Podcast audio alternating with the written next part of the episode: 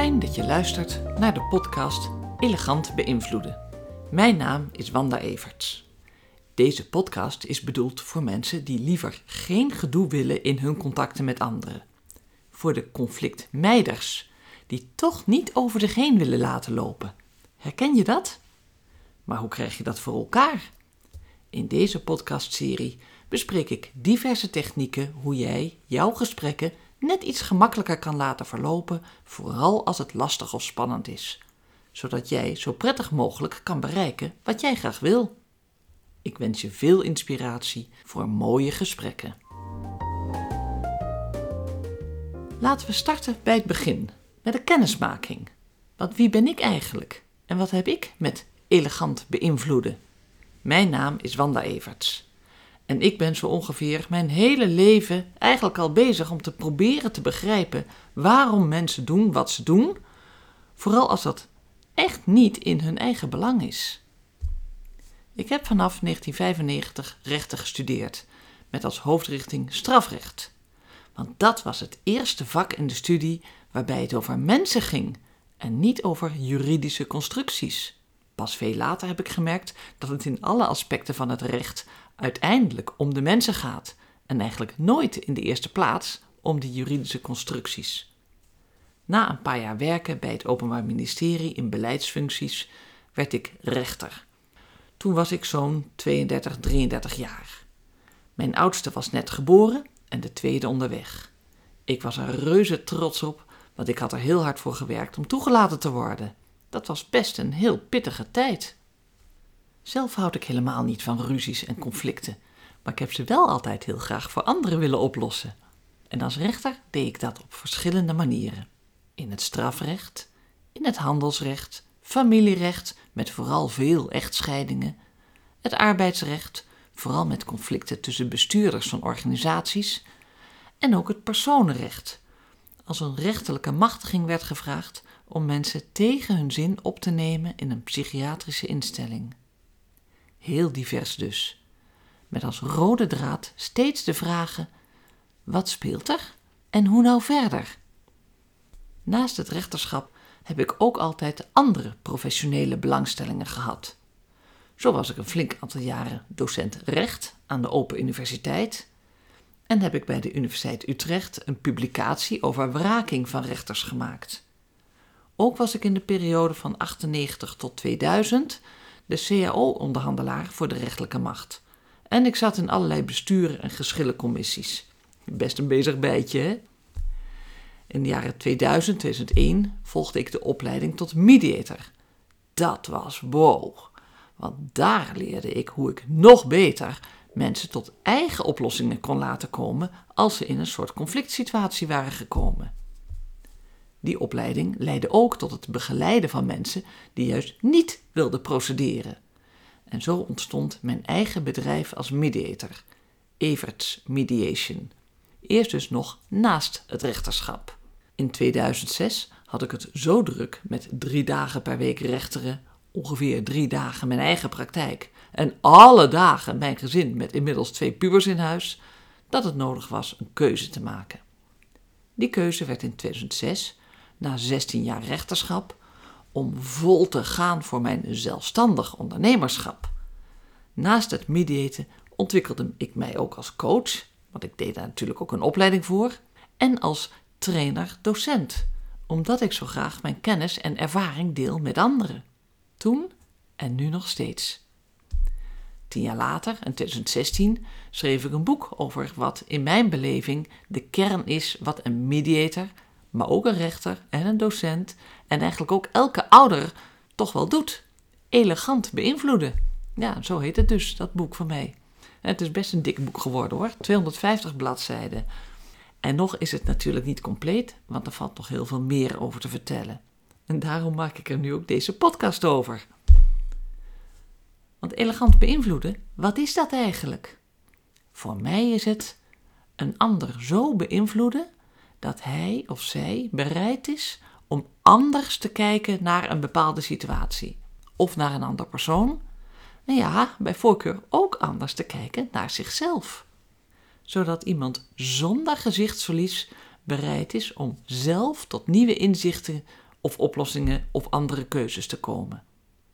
De scheidslijn tussen manipuleren of domineren enerzijds en beïnvloeden anderzijds is wel een heel dunne. Het luistert heel nauw en het hangt er vooral vanaf wat je eigen bedoeling is. Voor mij is het een kwestie van integriteit. Wil je met een trucje, met een gesprekstechniekje, een ander eigenlijk belazeren of in een hoek drijven of ergens inluizen, daar dan heet dat manipuleren of domineren. En elegant is het meestal niet. Bovendien zijn veel mensen nogal gevoelig voor manipulatie, in de zin dat ze een sterke antenne hebben om die signalen op te vangen en zich daartegen te verzetten. Dus zodra manipulatie wordt vermoed, dan is je mooie gesprekstechniek waardeloos geworden. Je wordt niet meer vertrouwd.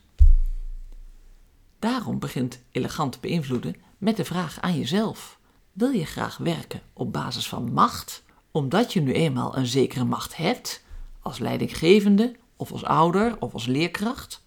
Of omdat je nu eenmaal bij de overheid werkt en op grond daarvan uitvoeringsmacht hebt?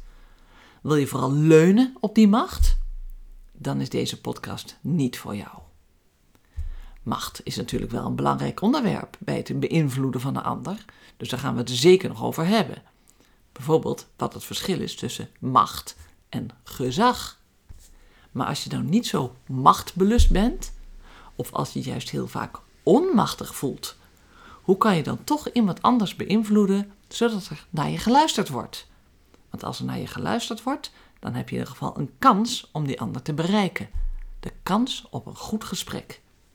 Als dit is waar je wel meer van wil weten, dan is deze podcast wel echt iets voor jou. We gaan aan de slag. Alleen een oen kan het doen. Eigenlijk zou ik hier eerst iets moeten zeggen over hoe communicatie eigenlijk werkt. Dat het een proces is van zenden en ontvangen. Maar ik denk dat je dat al wel weet, dus die stap sla ik nu even over. Al is er wel ook echt nog wel meer over te zeggen hoor. In het boek staat er ook uitgebreid beschreven. Elegant beïnvloeden begint met luisteren. En om dat goed te kunnen, begint het ook met het beïnvloeden van jezelf. Want er is wel een lastigheidje bij elegant beïnvloeden. Wie wil er nou eigenlijk beïnvloed worden? Wil jij je laten beïnvloeden? Misschien wel door deze podcast, dat hoop ik. Maar verder, wie laat jij toe om jou te beïnvloeden? De meeste mensen willen best iets veranderen in hun gedrag of in hun meningen en standpunten als ze ervan overtuigd zijn geraakt dat dat beter is. Dus ze willen wel zelf besluiten om iets te veranderen als ze dat nodig vinden, maar niet graag veranderd worden als ze dat zelf helemaal niet zo nodig vinden. Herken je dat? Ben je ook zo iemand? Ik wel. En de kunst is dus om iemand bereid te maken naar jou te laten luisteren. Hoe ga je dat dan voor elkaar krijgen? Nou, denk maar weer terug. Wanneer ben jij zelf bereid om naar een ander te luisteren? De eerste voorwaarde is toch wel je eigen vrijwilligheid. Als iemand druk op je uitoefent, zal je eerste reactie die van verzet zijn. En de allereerste conflictwet is: ik stop met luisteren. Dus als je graag wil dat er naar jou geluisterd wordt, is het zaak dat je die ander bereid krijgt dat vrijwillig te doen. Dus zonder dat je druk zet. Wat zeker helpt om dat voor elkaar te krijgen, is het goede voorbeeld geven. Dus door zelf te luisteren naar die ander. Serieus luisteren. Dat is nog helemaal niet zo gemakkelijk als het klinkt, zelf willen luisteren. Want dan heb je jezelf de vraag te stellen: wil ik eigenlijk wel echt luisteren naar die ander? Of wil ik vooral zelf zenden? En als er een beetje, of misschien zelfs veel, spanning in de relatie zit, geldt ook voor jou die conflictwet nummer 1. Ik ben niet geïnteresseerd in wat de ander te zeggen heeft, dus ik stop met luisteren. Herken je dat? Als je dat merkt, onderzoek dan eerst eens bij jezelf of je jezelf op dit punt kan overwinnen en toch kan besluiten om, voor het goede doel, te willen luisteren. Dus zucht een keer, haal diep adem en kies de oprechte luisterstand. Als je zover bent en natuurlijk ook als je helemaal geen moeite hebt om te willen luisteren, dan zeg ik alleen een oen kan het doen. De letters oen, O-E-N, staan hier voor een afkorting. De O is van open, de E is van eerlijk en de N is van nieuwsgierig. Ik leg het nog wat verder uit. Met open wordt bedoeld een open mind, zonder oordeel. Dat is best lastig, want in ons leven hebben we een heleboel ervaring opgedaan en vanuit die ervaring hebben we vooroordelen over elke nieuwe situatie. Voorgevormde oordelen, gestolde ervaring die zich niet gemakkelijk opzij laat zetten. Juist daarom is het zo belangrijk om in jezelf dat besluit te nemen: ik wil luisteren met een open mind, zodat ik opensta voor een eventuele nieuwe kijk op de zaak. Dan kan ik later nog wel bekijken of mijn vooroordeel toch waar was. De E is van eerlijk. Daarmee bedoel ik zonder verborgen agenda. Niet stiekem willen sturen naar een bepaalde oplossing. Dus als je wel een bepaald resultaat in je achterhoofd hebt, waar je iemand naartoe zou willen leiden, niet doen. Laat dat vooraf bedachte resultaat maar even los, want als je eraan vasthoudt, zal je het zeker niet bereiken. Ja, tenzij het op basis van macht wil afdwingen natuurlijk. Maar dat was nog net even niet de inzet van elegant beïnvloeden. Hè? De kunst is dus om vertrouwen te hebben in de redelijkheid van de ander. Als jij goed luistert en de ander luistert vervolgens naar jou, en dat maak je mogelijk door zelf goed te luisteren, dan komt er vanzelf een goed gesprek tot stand. En als jouw van tevoren bedachte resultaat inderdaad zo goed is, dan komt dat heus wel aan de orde. Dan wil de ander dat ook echt wel overwegen. Maar misschien zit er ook nog wel bezwaren aan jouw eigen oplossing, zodat er ruimte is om het nog te verbeteren. Je weet maar niet vooraf waar je samen uitkomt als je besluit eerst echt te gaan luisteren. Maar het wordt er nooit slechter van. Ten slotte de N van nieuwsgierig. Dat is niet hetzelfde als bemoeizuchtig of sensatiebelust. Het gaat hier om oprechte belangstelling. Deze nieuwsgierigheid is bedoeld om aan te geven dat je altijd een volgende vraag kan stellen. Het is ook de basis van vraaggerichte communicatie, als basisonderdeel van elegant beïnvloeden. Een volgende keer zullen we het gaan hebben over verschillende vraagtechnieken. Maar eerst doen we het luisteren. Want het begint met luisteren. Het zinnetje alleen een oen kan het doen, is dus eigenlijk een zelfbeïnvloedingstechniek. Want door dit zinnetje organiseer je je hele luistersysteem om te besluiten daadwerkelijk open, eerlijk en nieuwsgierig te zijn. Oenig. Je kiest daar echt voor, al is het maar voor de duur van het gesprek dat je te voeren hebt. Zoals Annemieke, die als bestuurder van een zorginstelling mij vertelde: Als ik een belangrijk gesprek te voeren heb, bijvoorbeeld met de gemeente, dan neem ik mij uitdrukkelijk vooraf voor om oenig te zijn. Dus ik begin in de luisterstand. Dan weet ik zeker dat de start van dat gesprek goed is. Vooral als het spannend wordt, is het heel nuttig te investeren in een goede relatie. Dan zijn zij ook altijd bereid naar mij te luisteren. Dat helpt enorm. Naast het zinnetje alleen een oen kan het doen, zijn er ook nog een paar andere fijne helpende afkortingen en begrippen, zoals Ari, Nivea en dat je oma moet thuis laten. Misschien ken je die al wel. Ik noem nu eerst deze. Anna. A-N-N-A. Altijd nagaan, nooit aannemen. Anna is mijn grootste vriendin en ze zit op mijn rechterschouder. Ze helpt mij om niet te denken dat mijn aannames echte feiten zijn en dus echt waar. Een aanname is je eigen interpretatie en daarmee niet per definitie waar. Meestal is een andere interpretatie ook mogelijk, al vind je die natuurlijk niet zo logisch, want anders had je die wel gekozen, hè? Nou zijn aannames wel heel praktisch. En de meeste aannames van jou zullen bovendien ook wel kloppen. Je hebt tenslotte niet voor niets die ervaringen. Dus je hebt niet zo snel reden om je eigen interpretatie ter discussie te stellen. Je neemt ze gewoon als zekerheid aan. En meestal gaat het goed. En soms ook niet. Dan ben je vergeten je eigen aanname even te checken, waardoor je denkt dat je op een goed spoor zit. En achteraf blijkt je er dan toch naast te hebben gezeten. Dat is heel ongemakkelijk, want dan moet je toegeven dat je fout zat, terwijl je het haast nog niet kan geloven dat je aanname verkeerd was. Echt, hierdoor zijn zoveel conflicten ontstaan, zoveel ruzies, familievetes, arbeidsconflicten, tot ontslagen aan toe. Gewoon omdat iemand dacht dat iets op een bepaalde manier zo was en daar zelf mee aan de haal ging, terwijl het eigenlijk helemaal anders bleek te liggen. Misschien denk je nu terug aan een eigen voorbeeld waarin dit speelde. Ik zal eens een voorbeeld uit mijn eigen praktijk geven. Jan zag zijn collega Kees met een grote, wat dikke envelop en Kees keek een beetje zoekend om zich heen. Schichtig eigenlijk. Jan vond het raar, een beetje verdacht ook wel. Kees hield de envelop ook een beetje onder zijn jas verborgen, leek het wel, en daarom dacht Jan dat er iets niet pluis was met die envelop. Jan vertelde dat later aan Bert, zijn teamchef, dat hij had gezien dat Kees zich behoorlijk verdacht had gedragen, alsof hij wat te verbergen had. Nou had Bert net die ochtend doorgekregen dat er geld werd gemist uit het personeelspotje. Dus hij dacht direct dat Kees hier wel eens wat mee te maken kon hebben. En Bert kiest ervoor om eerst maar eens te overleggen met Marije van personeelszaken. Zij hoort hem aan, begrijpt zijn dilemma en adviseert om vooral contact op te nemen met Gerard van juridische zaken.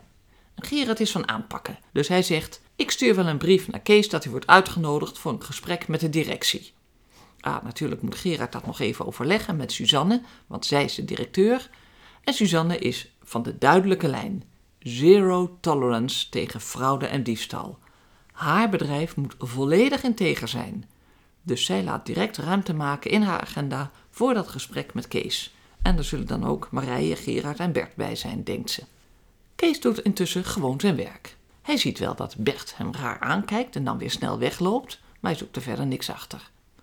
Tot hij thuis opeens die brief krijgt, waarin hem wordt aangezegd dat hij op gesprek moet komen bij de directie, Suzanne dus. Bij niet verschijnen zal dat consequenties hebben, staat daarbij. Kees schrikt zich rot en vraagt raad aan zijn zwager, Arne. Die werkt bij een vakbond, dus die weet wel wat Kees moet doen. En Arne herkent uit de toon van de brief dat het foute boel is en adviseert Kees niet mee te gaan in dit machtsvertoon van zijn werkgever. Je kan je best ziek melden, zegt Arne, en naar het juridisch loket gaan voor een advocaat. Het juridisch loket snapt de zorgen van Kees en Arne, maar wil het toch niet direct zo hoog laten opspelen. Dus zij adviseren Kees om een vertrouwenspersoon te zoeken die met hem mee kan naar het gesprek. En als het na het gesprek nog nodig is, kan hij natuurlijk terugkomen om te overleggen over zijn juridische mogelijkheden. Kees vraagt zijn zwager Arne om mee te gaan en die wil dat ook wel. En Arne schrijft ook alvast een mail voor Kees aan die werkgever dat Kees ziek is, maar op zichzelf wel bereid is tot een gesprek. En dat hij daar graag Arne bij wil hebben, die echter verhinderd is op de aangegeven dag, dus of het gesprek alsjeblieft een week kan worden uitgesteld. De mail van Kees, die Arne dus heeft geschreven, schiet de werkgever, Suzanne, Gerard, Marije en Bert, ze lezen allemaal mee. Die mail kiest ze dus echt in het verkeerde keelgat. Wat denkt hij wel, deze Kees? Dat hij kan bepalen wanneer dit gesprek kan plaatsvinden? Uit zijn reactie blijkt wel heel duidelijk dat hij een kwaad geweten heeft. Anders zou hij niet direct iemand erbij halen. En bovendien is dat ziekmelden natuurlijk eigenlijk ook al een schuldbekentenis, hè? Dus schrijft Gerard als bedrijfsjurist een brief op poten waarin hij vasthoudt aan de gekozen dag en tijd en dat het niet verschijnen van uh, Kees zal worden aangemerkt als werkweigering. Ook wordt Kees met spoed direct de volgende dag al om acht uur s morgens ontboden bij de bedrijfsarts om te onderzoeken of hij wel echt ziek is. De bedrijfsarts merkt wel dat het Kees heel hoog zit en dat hij van slag is, maar echt medisch arbeidsongeschikt is hij toch niet, vindt de bedrijfsarts. En hij adviseert natuurlijk wel om zo snel mogelijk dat gesprek aan te gaan. En uiteindelijk komt dat gesprek er ook. Tussen Kees en zijn zwager Arne enerzijds en de werkgever met directeur Suzanne, Marije van personeelszaken en de teamchef Bert anderzijds. In dat gesprek begint Suzanne met het uiten van de ernstige verdenkingen tegen Kees dat hij geld heeft gestolen van nota bene zijn eigen collega's uit de personeelspot. Ze wil eerst niet zeggen waarom de verdenking op Kees is gevallen, maar na lang aandringen van Kees en vooral van Arne komt de aap uit de mouw. Bert vertelt dat een collega, maar ik zeg niet wie hoor, dat is vertrouwelijk, hem heeft verteld dat hij Kees heel verdacht met de envelop heeft gezien en dat hij zelf ook vond dat Kees zich die dag heel verdacht heeft gedragen. Onder andere door hem, Bert dus, uit de weg te gaan. Nou breekt de klomp van Kees. Want het was juist Bert die zich ontwijkend gedroeg. Ja, en dat van die envelop, dat klopt wel, dat kan hij uitleggen. Want daar zat een stapel verjaardagskaarten in voor een collega die binnenkort 50 jaar zou worden, waar ze binnen zijn afdeling een verrassingsactie voor op touw hadden gezet. Het was niet de bedoeling dat de collega die kaarten al zou zien, maar hij kwam er toen net in de verte net aan en daarom deed hij wat onhandig met die envelop door die snel onder zijn jas te willen stoppen. En dat was dus wat collega Jan, waar dit verhaal mee is begonnen, had gezien. Maar wat hij helemaal verkeerd had begrepen. Want Jan zit niet in de afdeling van Kees en hij wist dus ook niks van die verrassingsactie. Jan had wel het non-verbale, heimelijke gedrag herkend en daar zijn eigen interpretatie aan gegeven. Voor Bert, de teamchef, gold eigenlijk hetzelfde. Hij was zonder meer afgegaan op de betrouwbaarheid van de interpretatie van Jan en hij had nooit gedacht aan die verrassingsactie waar hij trouwens wel van wist.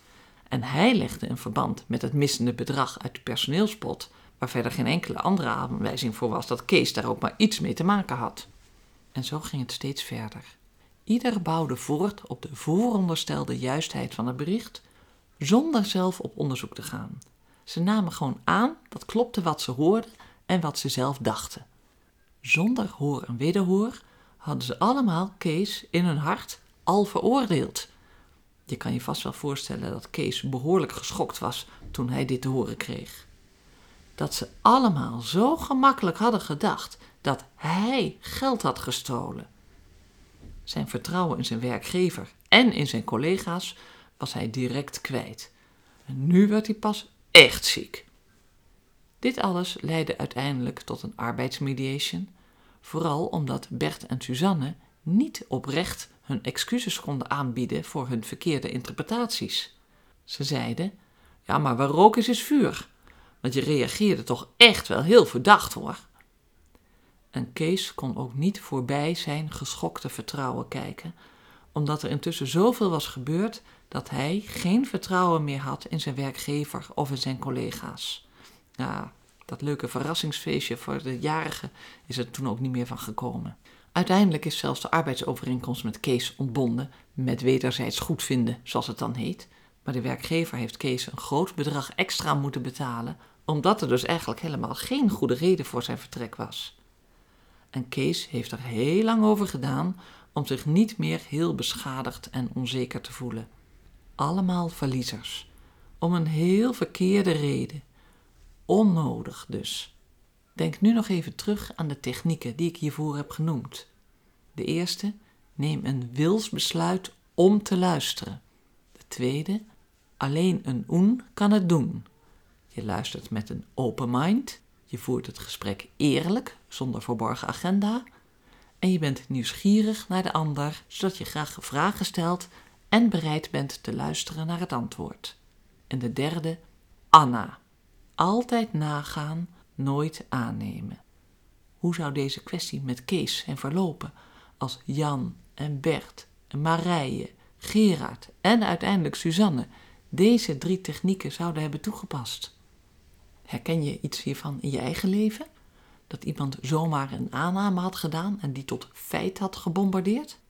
Nu maken we allemaal steeds allerlei aannames en dat is op zichzelf helemaal niet erg, als je er maar bewust van bent dat er ook risico's aan kunnen kleven waarvan je vooraf nooit dacht dat die er zijn. Zoals Jan en Bert en al die anderen vooraf echt niet hadden gedacht wat het gevolg kon zijn van hun aannames. Daarom is mijn tip dat je je aanwendt om je eigen aannames te willen onderzoeken, door na te gaan of je interpretatie wel klopt. Kleine moeite, groot plezier. One-liner. Elke aflevering zal ik een korte quote of een gedachte met je delen en dat noem ik dan een zogenaamde one-liner. Ik zag laatst deze tekst op mijn scheurkalender. Iemand anders kan ook gelijk hebben. Oeh, dat vond ik zelf ook een hele nuttige quote. Want net als iedereen denk ik natuurlijk ook dat ik meestal wel gelijk heb als ik ergens iets van vind.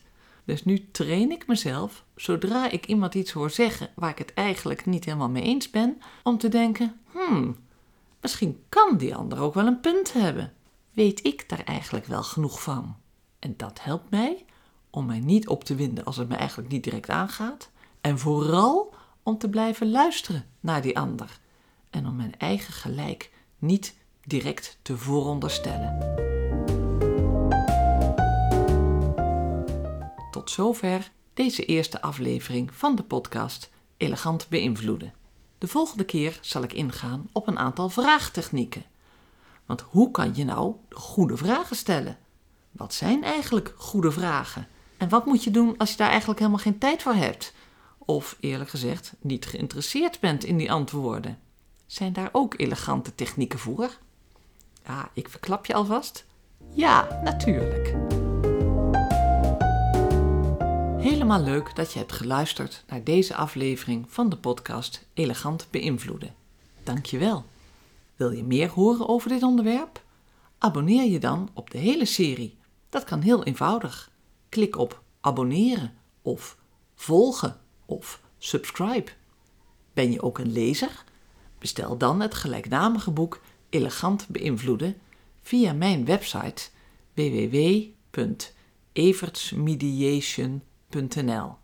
Kan ook via bol.com en natuurlijk ook via je eigen lokale boekhandel.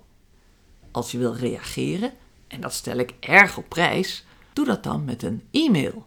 Ik hoor bijvoorbeeld heel graag welke onderwerpen jij nog graag besproken zou willen hebben in deze podcast.